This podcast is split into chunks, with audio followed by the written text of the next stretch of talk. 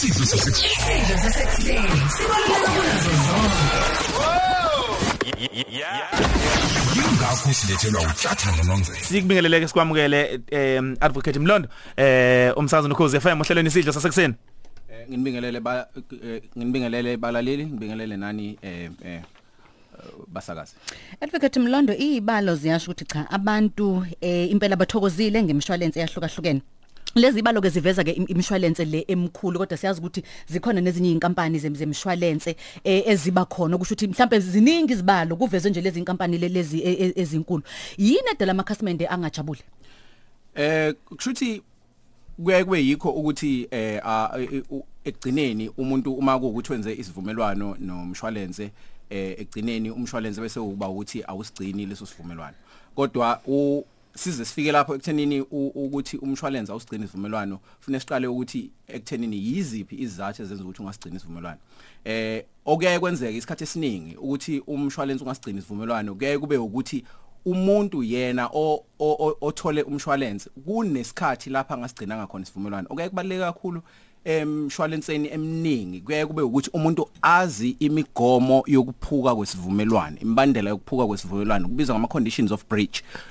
Azi ukuthi azi ukuthi eh ku- ku- ku- ku- kuyini eh, ezodalela ukuthi umshwalense ungamkhavi. Ngenzeka kube ukukhokha ukungaphumeleli ukukhokha ezimotweni mhlambe ngisho nokungayikhokheli idisk ngoba imoto fanele bese mgwaqeni ngokwemvume noma kube ukuthi kunento e- e- engekho emthethweni ayenzile eh, ngemoto noma esemotweni.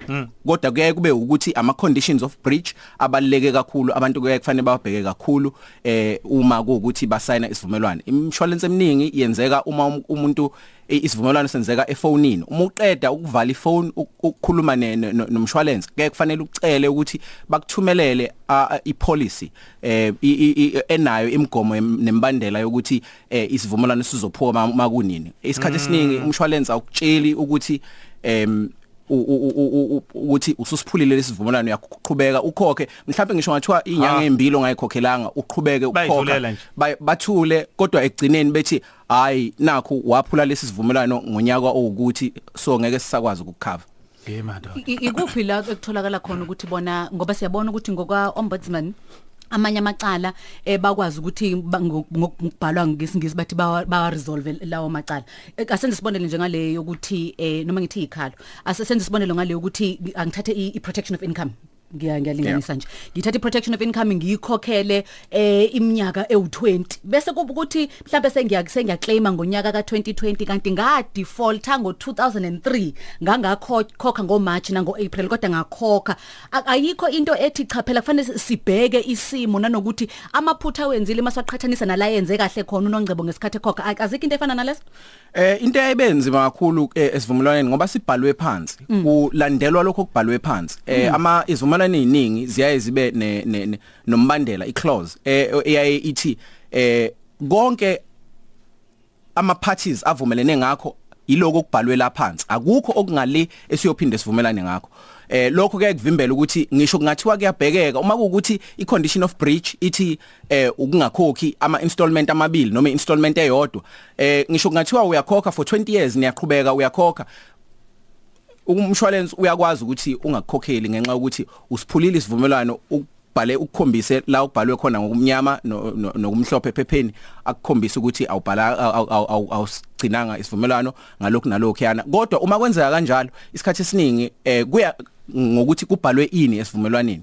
Eh isikhathi esiningi kodwa ke kube ukuthi uma umshwalense njengemoto uma ukuthi awukhavi ngaleso sikhathi from isikhathi la ubreach khona iagreement amanye eminye imshwalense iyayisho ukuthi hayi kulungile sizokubuyisela imali yakho kodwa ngeke size sikukhave eminye kodwa iya usuku sayinile kodwa wena uvumelene. Eminye ayikubuyiseli ngenxa ukuthi usuku sayinile navumelana wathi angeke nize ningibuyisele.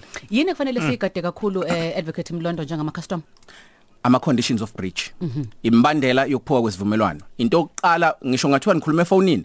U- uma u- u- umlaleli ebuza e- e- e- ekhuluma no- no- no- no- no- no- nomuntu o- womshwalense efonini ethi ngiyakunikeza nayi policy uzokhokha imali engaka. Into ebalekile okufanele umlaleli ayibuze ngaso sonke isikhathi ukuthi sizophukane nesivumelwano? Yinini la engasiphula khona mina? Yinini la sizophulwa wena? Ngenze njani? Uma kuukuthi kunama installment isikhathi esiningi ongayikhokhelanga eh ngisho ngathiwa sekuphele u2 months uyikhokhe leyo mali leyo ukuze ikhave lenyanga ongayilokhuzanga ongayikhokhelanga eh, u- u- umshwalense ngaleso sikhathi ke uya uyakwazi ukureviveka kodwa uma kuukuthi kune condition of breach ongayi ongayigcwalisanga eh kuze kufike isikhathi la ukuthi uyawudinga umshwalense umshwalense uyakwazi ukuthi ungakukhokheli ngenxa yokuthi nisuke nibhale phansi navumelana kodwa manje abantu abaningi la eh advocate kuvela ukuthi ezinye zale yalembandela basuke bengakaze bayiphule. Kodwa mase kufikwa lapha ya kube imdanti ukuthi bakhokheleke.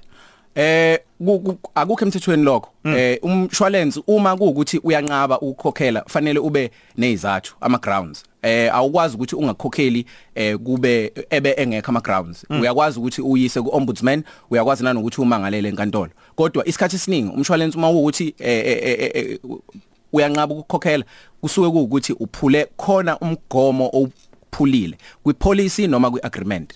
Kuyezwakala mhlambe ke ake sibuye size lapha ke kuma funeral cover eh i- omasingcwabisana kufanele abantu bagadeni ke lapho ngoba kubonakala sengazi ukuthi nakhona futhi inamba ziningi kuze kushaye usuku olusuke libekiwe ukuthi umuntu uyofihlwa ngalo hayi inkinga isuke ithephe Eh ok- ok- okunye ke kube inkinga em eh, and kuyafana nasemotweni umshwalense uyafana wonke uhamba ngesivumelwano. Okuye kube inkinga kakhulu eh kuye kube ukuthi eh mhlambe umshwalense awunikezanga eh information ephelele.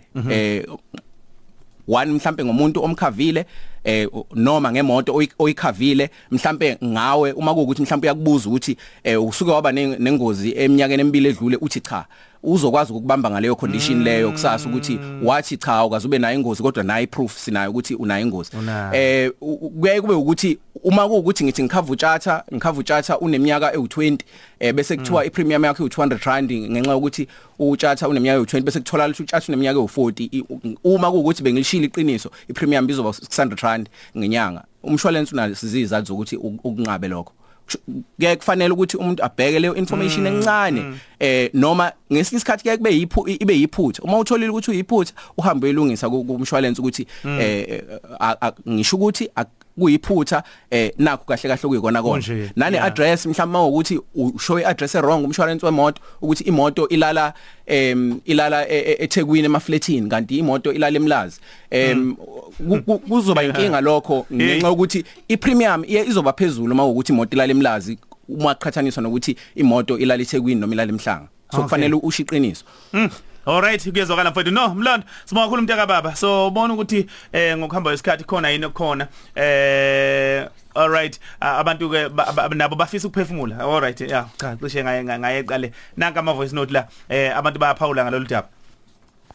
Nami noNcebo nawe tjatha bangibhalisa umshwalense emgaqweni.